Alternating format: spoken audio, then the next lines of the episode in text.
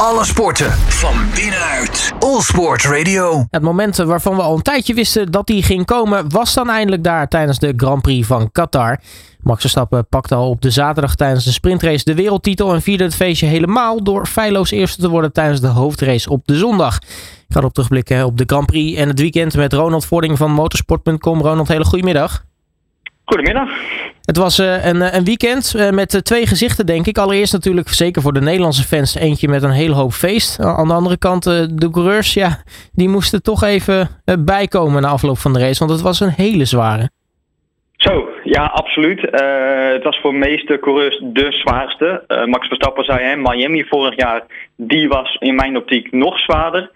Uh, maar ja, weet je, de wereldtitel komen we uitgebreid op. Dat is natuurlijk fantastisch. Hè? Een kroon op een absoluut topjaar. Een kroon dat, die er al heel lang aan zat te komen.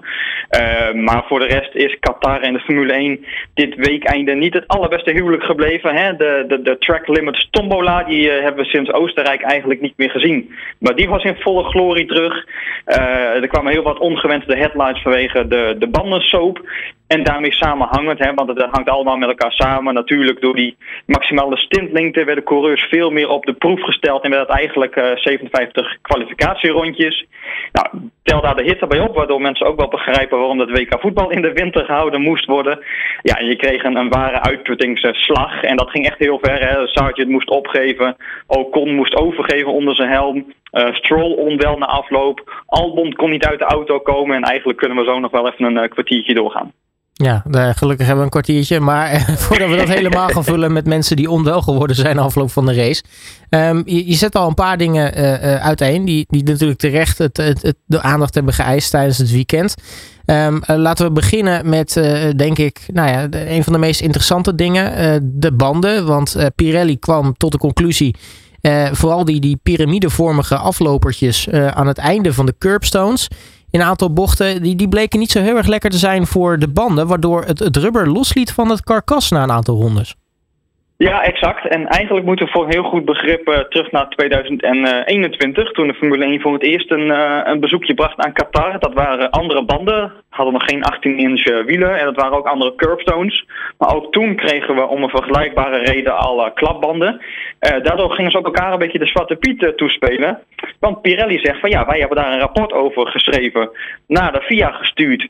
Maar zij hebben daar niks mee gedaan. Dus ja, dan is het niet onze schuld. Uh, eigenlijk is het al verder fout gegaan, ook in aanloop naar dit weekend, hè, waar gewoon totaal niet goed is ingeschat dat coureurs zo ver op die curbstones zouden komen en dat dat zulke vergaande gevolgen zou hebben voor de banden. Daar kwamen ze eigenlijk pas vrijdagavond achter. Uh, toen heeft Pirelli met een soort microscoop alle banden uit de trainingen geanalyseerd. Zagen ze die scheurtjes en dachten ze dit wordt een veiligheidsissue. Uh, dus hebben de, de, de, ja, de lokale schilder, ik zei al gek scheren, die heeft, een, die, die heeft een goede nacht gehad. Want die hebben ze opgetrommeld om de track limits te verschuiven, 80 centimeter verder naar binnen. Uh, maar als gevolg daarvan stonden ze eigenlijk ook al schaakmat tactisch met die, met die verplichte drie stoppen waar ik het al over had. Uh, want zondagochtend hebben ze dat besloten. Uh, maar toen kon ze eigenlijk al geen kant meer op. Hè? Want stel ze had het niet gedaan en je had 7, 8, 9 klapbanden gehad in de race. Dan hadden de teams tegen de FIA gezegd, hé hey, wacht even, jullie gaan over de veiligheid. Jullie hadden vrijdag al aanwijzingen dat de veiligheid niet in orde was. En jullie hebben niks gedaan. Uh, dus daardoor was het kiezen tussen twee kwaden. Moesten ze ingrijpen eigenlijk in de tactiek, want dat is dan wat je doet. Uh, daar was onder meer Max Verstappen ook niet over te spreken. Want hij zei, ja, hè, bandenmanagement is normaal een uh, sterk punt van ons konden wij nu niet tonen. Uh, en dat heeft meteen uh, de, de fysieke uitputtingsslag veel erger gemaakt, omdat het dus veel zwaarder werd en coureurs veel meer moesten pushen. Uh, dus bottomline van dit alles is dat ja, de FIA en de Formule 1 en tot op zekere hoogte ook Pirelli iedere keer moesten reageren, iedere keer achter de feiten aanlopen, in plaats, in plaats van proactief handelen. En daar is het eigenlijk al vanaf het begin fout gegaan. Ja, dan kreeg je uh, nog even een, een last minute in elkaar geflanste uh, visual van uh, voor, de, voor de kwalificatie of de sprint shootout ja. van familiarization session of zoiets. Het, ja, het, het was wel een beetje, een beetje gek ook. Ja, het komt, komt gewoon heel slecht over. Uh, PR-technisch komt het heel slecht over. Uh, en ook op mijn eigen Twitter-account post ik uh, voor de race dan al een tabel. Hè, want die had Pirelli ook opgesteld. met die maximale stintlengte. Banden die al gebruikt waren in de kwalificatie. Daar hadden ze dan ook van berekend hoeveel ronden daar nog opgereden mocht worden. maar mensen reageerden ook al van ja, je moet bijna een hele studie uitvoeren om die tabel te kunnen begrijpen. Dus je moet al bijna een studie doen voordat de race begint ja, zo hoort de Formule 1 niet te zijn. Natuurlijk, hè, uh, coureurs kunnen meer pushen. Dat, dat is dan misschien wel een positief aspect. Maar ja, nogmaals, je moet eigenlijk als VIA heel ver weg blijven van ingrijpen in het wedstrijdelement en ingrijpen in de tactiek. Uh, en precies dat is wel gebeurd. Ja, en dat, dat onderstreept nogmaals dat Qatar, los van dat er weinig sfeer hing, ook niet per definitie een geweldig Formule 1 circuit is.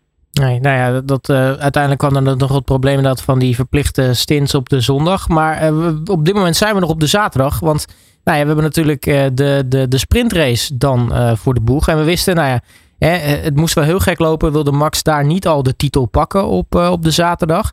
Um, en uiteindelijk, ja, hij werd tweede achter Piastri, die overigens echt een fantastische sprintrace reed. Uh, Maar hij hoeft ook weinig meer te doen. Want uh, Perez die had een soort uh, menage à trois met, met, met Hulkenberg en met, met Ocon. Ja, ja, dat is eigenlijk wel apart, hè? want de vorige twee wereldtitels van Max uh, moesten we na afloop uh, wachten. In het geval van Abu Dhabi 2021 zelfs heel lang wachten hè? Door, het, uh, door het protest van Mercedes. Vorig jaar die geweldige scène achter het podium in, in Japan. Alleen nu was het tegenovergestelde, want nu wist Max al gedurende de sprint natuurlijk dat hij wereldkampioen was. Omdat, hè, jij zegt het goed, Checo eruit was. toen was het pleit al beslecht.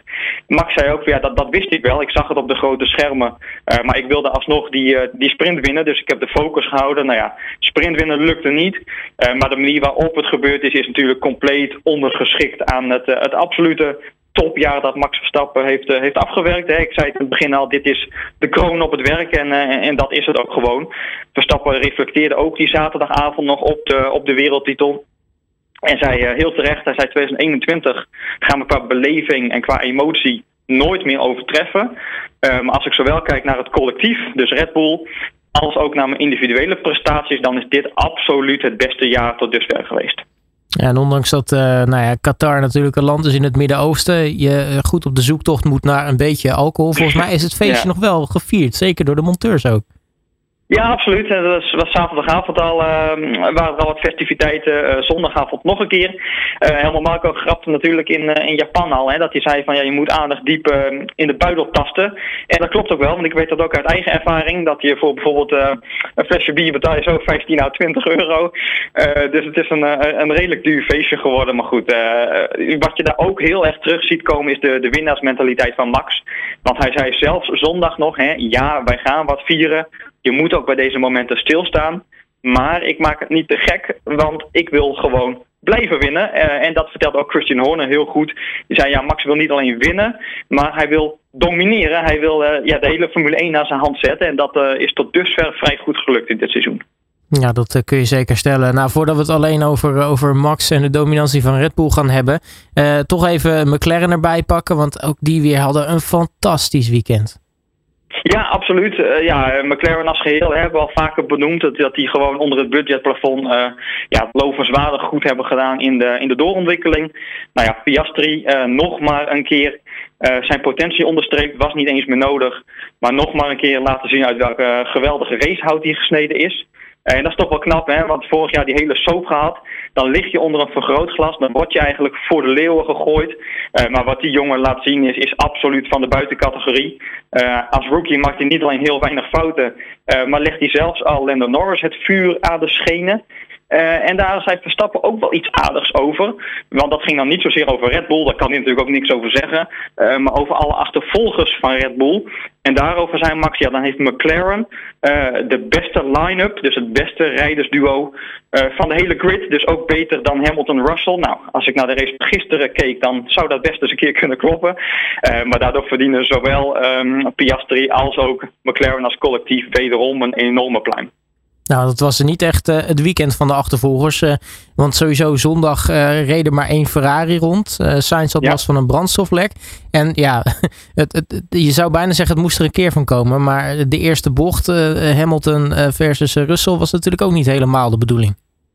Nee, maar ook, ook bijzonder pijnlijk. Hè? Want uh, Mercedes uh, heeft normaal juist moeite in de, in de kwalificatie. Nou, door al dat track limits gebeuren op vrijdag schoven ze dan op. Dan sta je er een keer goed bij. Dan denk je, we kunnen onze race pace laten zien. Uh, nou ja, ze hadden in ieder geval die, die, die strategieën gesplit om misschien iets tegen Max te kunnen proberen. Maar om in ieder geval met twee auto's op het podium te eindigen. en dat is dan in bocht 1 al compleet naar de haaien. Uh, natuurlijk, Lewis Hamilton, uh, ja, die, die, trok ook het boetekleed aan, kon niet anders. Uh, na afloop werd hij nog onderzocht voor crossing the track. Hè, dat was een lopend oversteken. Maar ik zei intern bij ons ook al gekscherend. Wat hij deed was twee keer crossing the track. Namelijk één keer in de auto uh, en één keer zonder auto. Want ja, hij stuurt gewoon in alsof er niemand zit. George Russell heeft Max aan de binnenkant en kan werkelijk waar geen kant op. Dus ja, Lewis Hamilton die helpt zijn eigen race om zeep, maar indirect ook een hele goede kans van het team om zeep. Niet alleen in Qatar, maar jij noemt Ferrari terecht daarmee ook in het constructeurskampioenschap. Hè, want Mercedes had een veel grotere slag kunnen slaan gisteren. Uh, dus dit is absoluut, ik weet niet uh, wat er in het huis van Toto Wolf gesneuveld is, maar dit is absoluut een grote gemiste kans geweest. Ja, we zitten weer een paar koptelefoons. ja, ja, niet uit te sluiten. Maar dat was natuurlijk uh, voor, voor hun natuurlijk wat minder. Nou ja, McLaren nogmaals had een, een topweekend. Um, er zijn natuurlijk nog, nog een aantal races te gaan dit seizoen. Um, en ben ik eigenlijk wel benieuwd. Die strijd om plek 2. Want zowel in het rijderskampioenschap als het constructeurskampioenschap is er nog best wel veel te verdelen. Ja, absoluut. Nou ja, en bij de, de constructeurs is dat heel belangrijk. Hè? Het gaat om uh, heel veel geld, heel veel prijzengeld. Maar het gaat ook om, uh, om de, de, de verdeling van het Aero handicap systeem. Hè? Dus hoeveel windtunnelruns krijgt iemand wel of niet. Uh, dus daar staat absoluut nog wel heel veel op het spel. En daardoor moeten mensen eigenlijk niet denken van nou, de wereldtitels zijn vergeven. Ik geloof het wel, want dat wordt absoluut nog interessant. en P2 bij het coureurskampioenschap ook. Al is het alleen maar om te zien hoe Sergio Perez de negatieve spiraal wel of niet weet te doorbreken. Uh, daar is ook Christian Horner toch wel vrij helder over geweest uh, gisteren. Want de vraag die heel vaak voorbij komt is: ja, stel dat McLaren dit doortrekt en je krijgt volgend jaar wel echte concurrentie bij de constructeurs, dan heb je toch eigenlijk twee competitieve coureurs nodig. Uh, nou, Horner wilde nog niet aan die toekomst vragen, hè, want ze herhalen gewoon: Checo is nog steeds onze man voor 2024. Mm -hmm. uh, maar hij heeft hem wel echt op scherp gezet door te zeggen: ja, dit was weer een shocker of a weekend. Dus het was uh, schokkend slecht. Uh, en in tegenstelling tot McLaren en Mercedes hebben wij niet langer twee coureurs die aan elkaar gewaagd zijn. Nou, dat lijkt me ook wel een terechte constatering. Maar goed, uh, daardoor wordt het vooral voor Checo met Amerika en daarna Mexico op komst, uh, wordt het wel even zaak om uit die negatieve spiraal te komen. Het enige kleine detail is, niemand, en hij zelf ook niet, niemand weet hoe. Dus dat uh, gaan we nog allemaal zien. Dat wordt interessant. Uh, we blijven het ja. volgen. Uh, nou, in ieder geval een, een weekend om nou ja, niet te vergeten in meerdere opzichten. Ronald Vording van motorsport.com. Dankjewel weer voor je tijd en spreek je snel weer. Alle sporten van binnenuit. All Sport Radio.